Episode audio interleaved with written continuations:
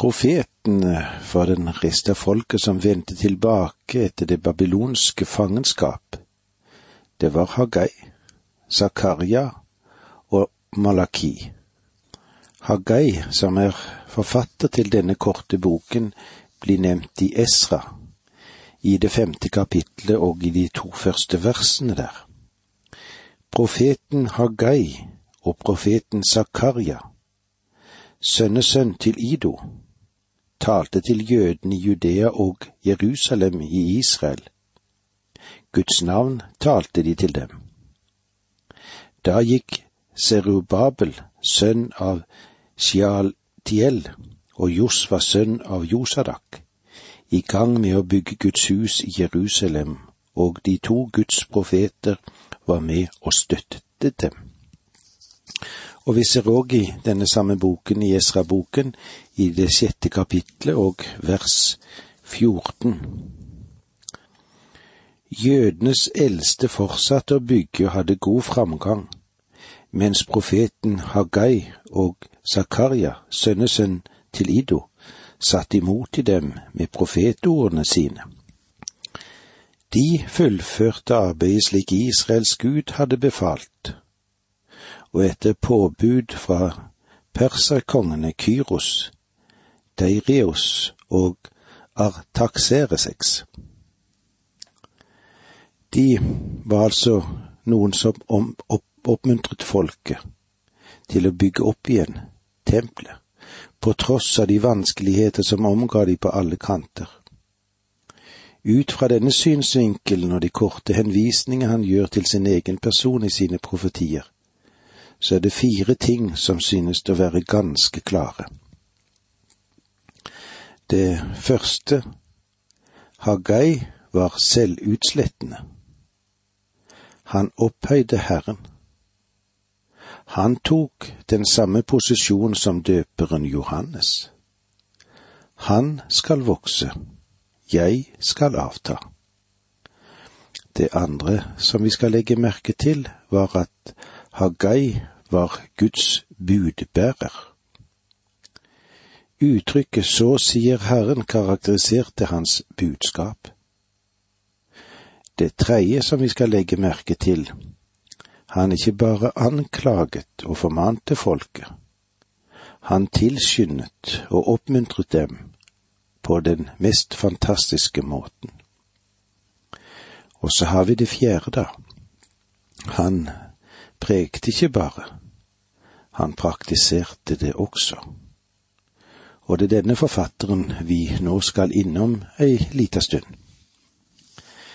Profeten Hagai, han kan vi vel òg si er en bok som er i den tiende rekken av de småprofetene som vi har stoppet opp for. Og denne profetboken består av fire taler som profeten har holdt. Kanskje den er gjengitt i noen sammentrengt form. Men ta talene som han har, de er alle datert, og de får en historisk ramme.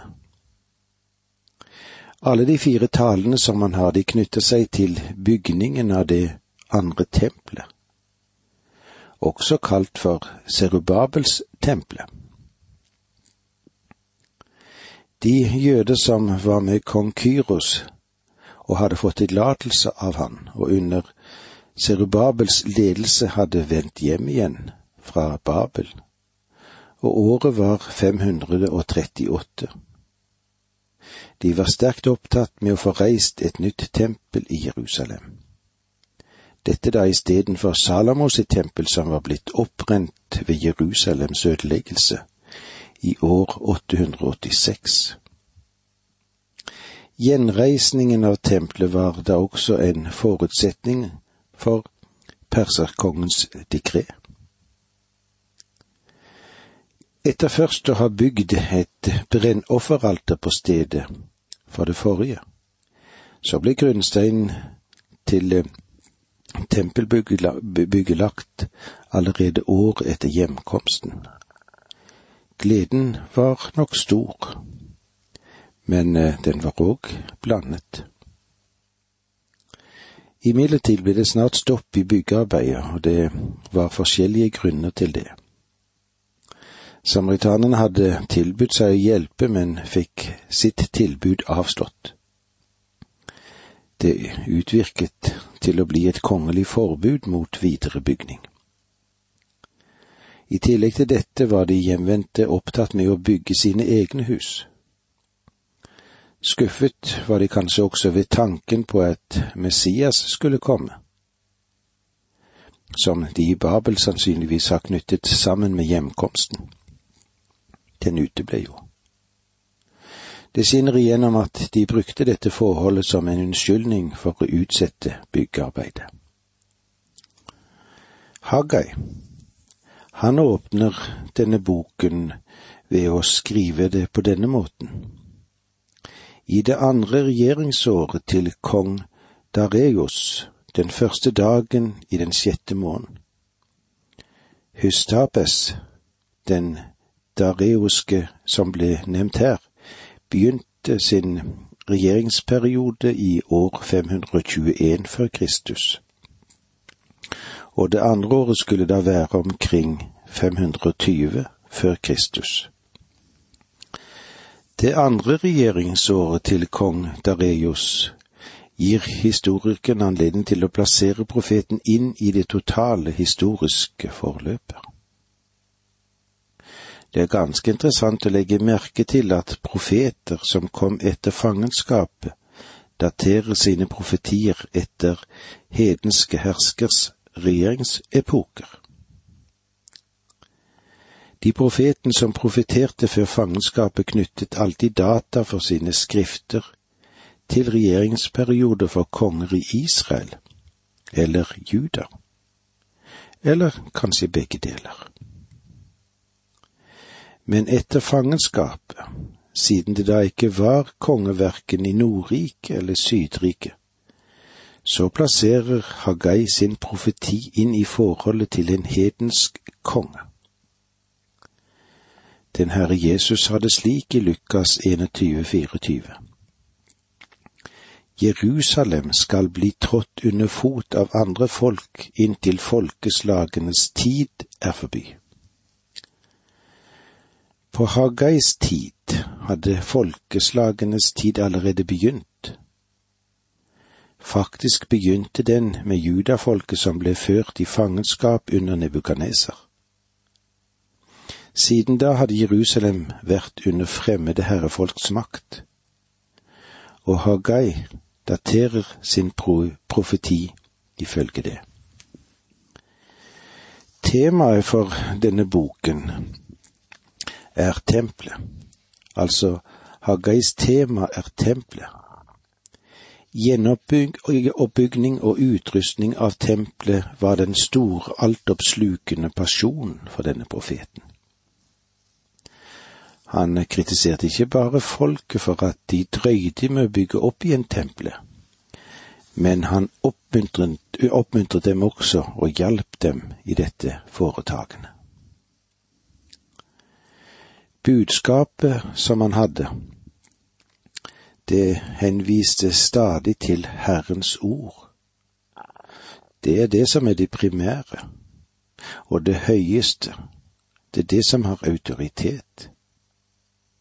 Han ydmyket seg villig slik at Herren kunne bli opphøyd. Hans budskap var praktisk, det var enkelt, og det var direkte. Profeten Hagai og Jakob, som har skrevet Jakobs brev, de har mye til felles. Begge to legger vekten på det daglige liv. Handlingen den er ordentlig. En passiv holdning uten funksjon i dagliglivet er ond. Begge to legger målestokken på livet slik det utvikler seg praktisk. Arbeid er livets målestokk. Haggais samtidig Zakaria var visjonær og hadde hodet oppe i skyene men den pragmatiske Haggai hadde begge føttene på jorden.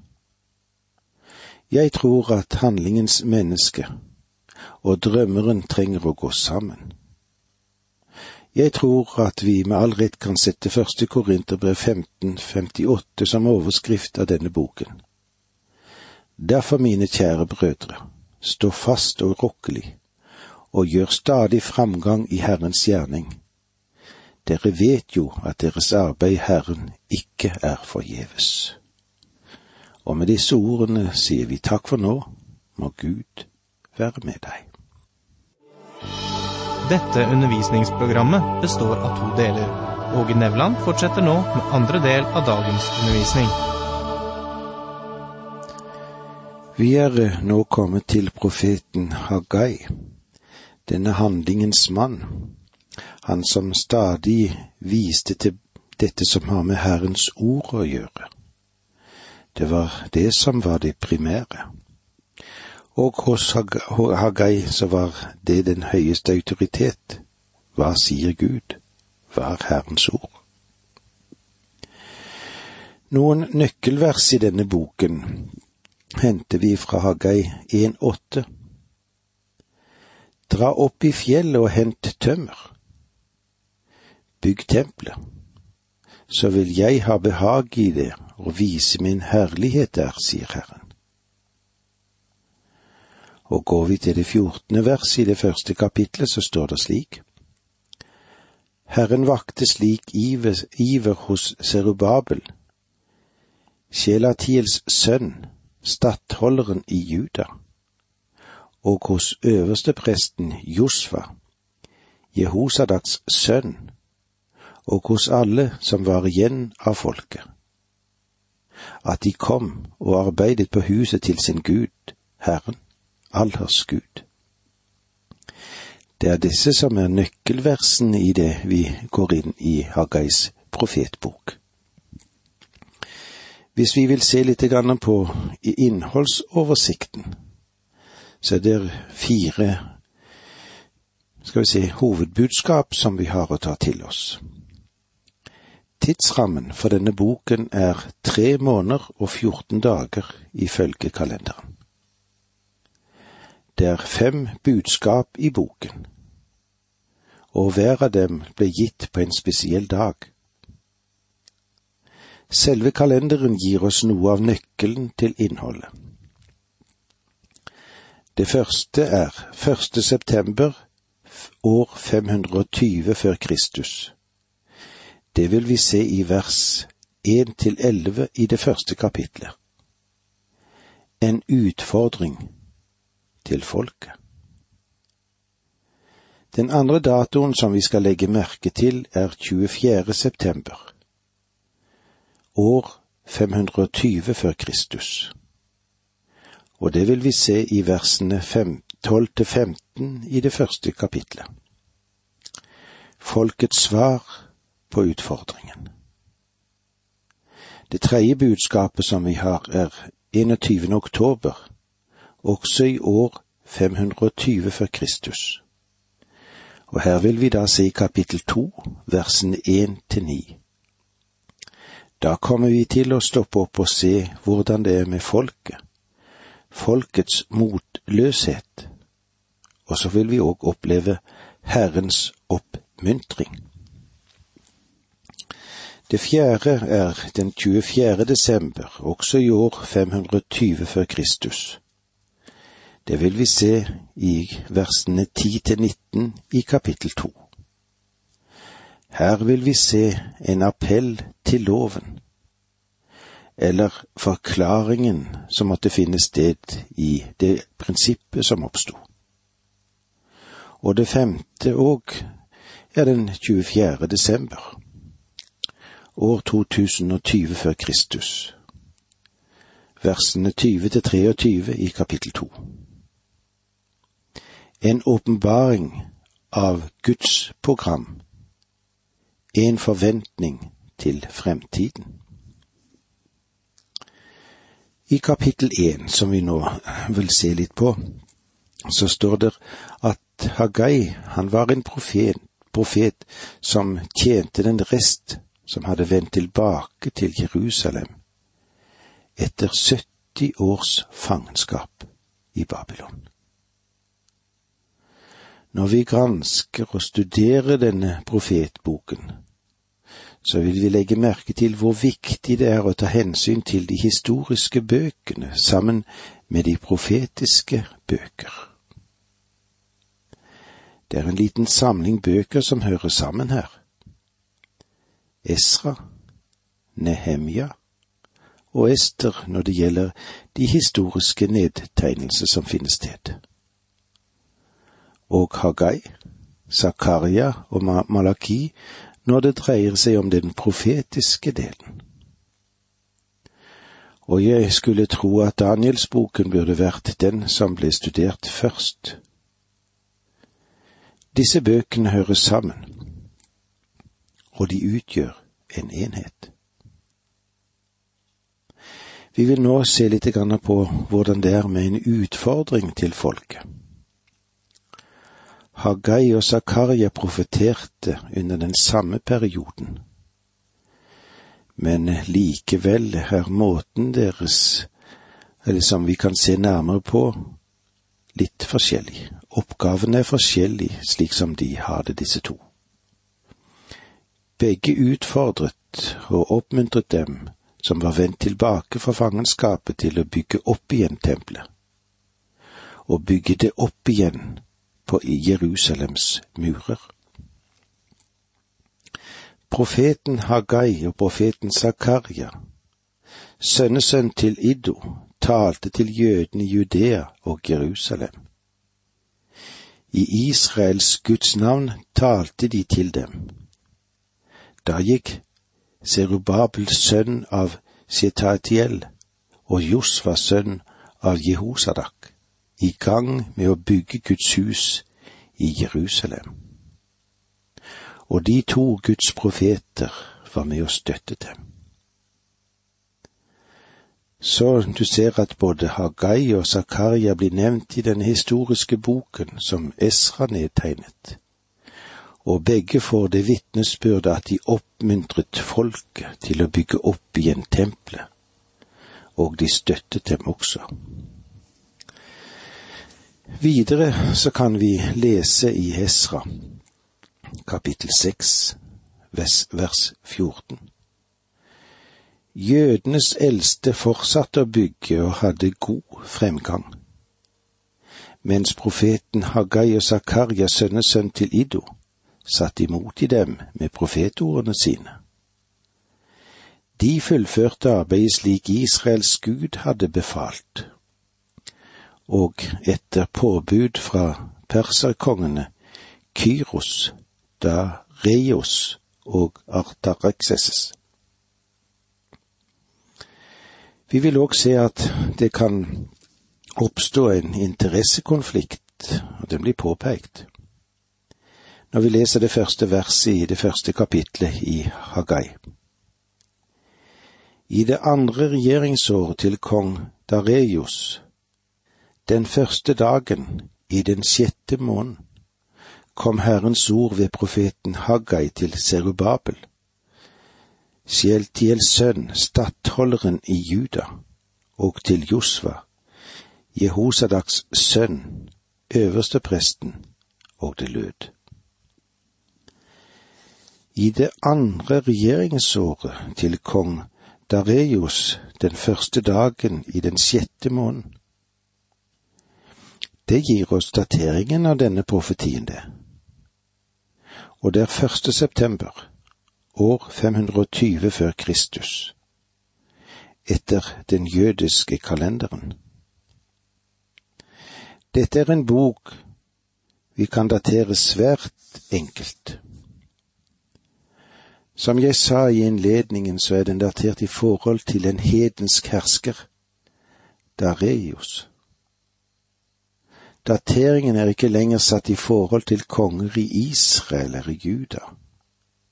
For Hagai, han skriver under hedningenes tid, og det begynte jo med fangenskap i Babylon, og det fortsetter frem til denne dag. Den Herre Jesus sa det slik, som vi òg ser det i Lukas 21, 24.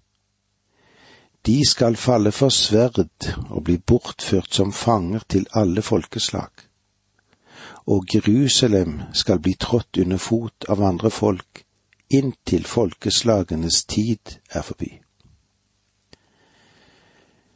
Kom Herrens ord ved profeten Hagai. Vi vil se at gjennom hele boken henviser Hagai flittig til Herrens ord. Han gjør det tindrende klart at han ikke forkynner sine egne tanker. Nei, han gir Guds ord til folket. Serubabel, Sjeltiels sønn, stattholderen i Juda. Navnet Serubabel betyr sådd i Babylon. Det vil si at han var født i fangenskapet i Babylon. Faktisk er det et hedensk navn. Han var en av Davidsetten, sønnesønn av Jojakim, slik som du kan se det i første krønikebok 3, 17 og 19. Og han ble utpekt av Kyros som guvernør i Juda, som man òg kan se i Esra 5,14. Og til Josva, Jehosadaks sønn, øverstepresten. Josva var sønn av Jehosadak, som var øversteprest ved den tid da babylonerne foretok invasjon, slik som vi kan se det i første krønikerbok 6.15. Denne mannen var det religiøse overhodet. Så her ser du at Gud sender sitt budskap først til folkets ledere, både de religiøse og de politiske lederne. Det var så langt vi kom i dag. Takk for nå, må Gud være med deg.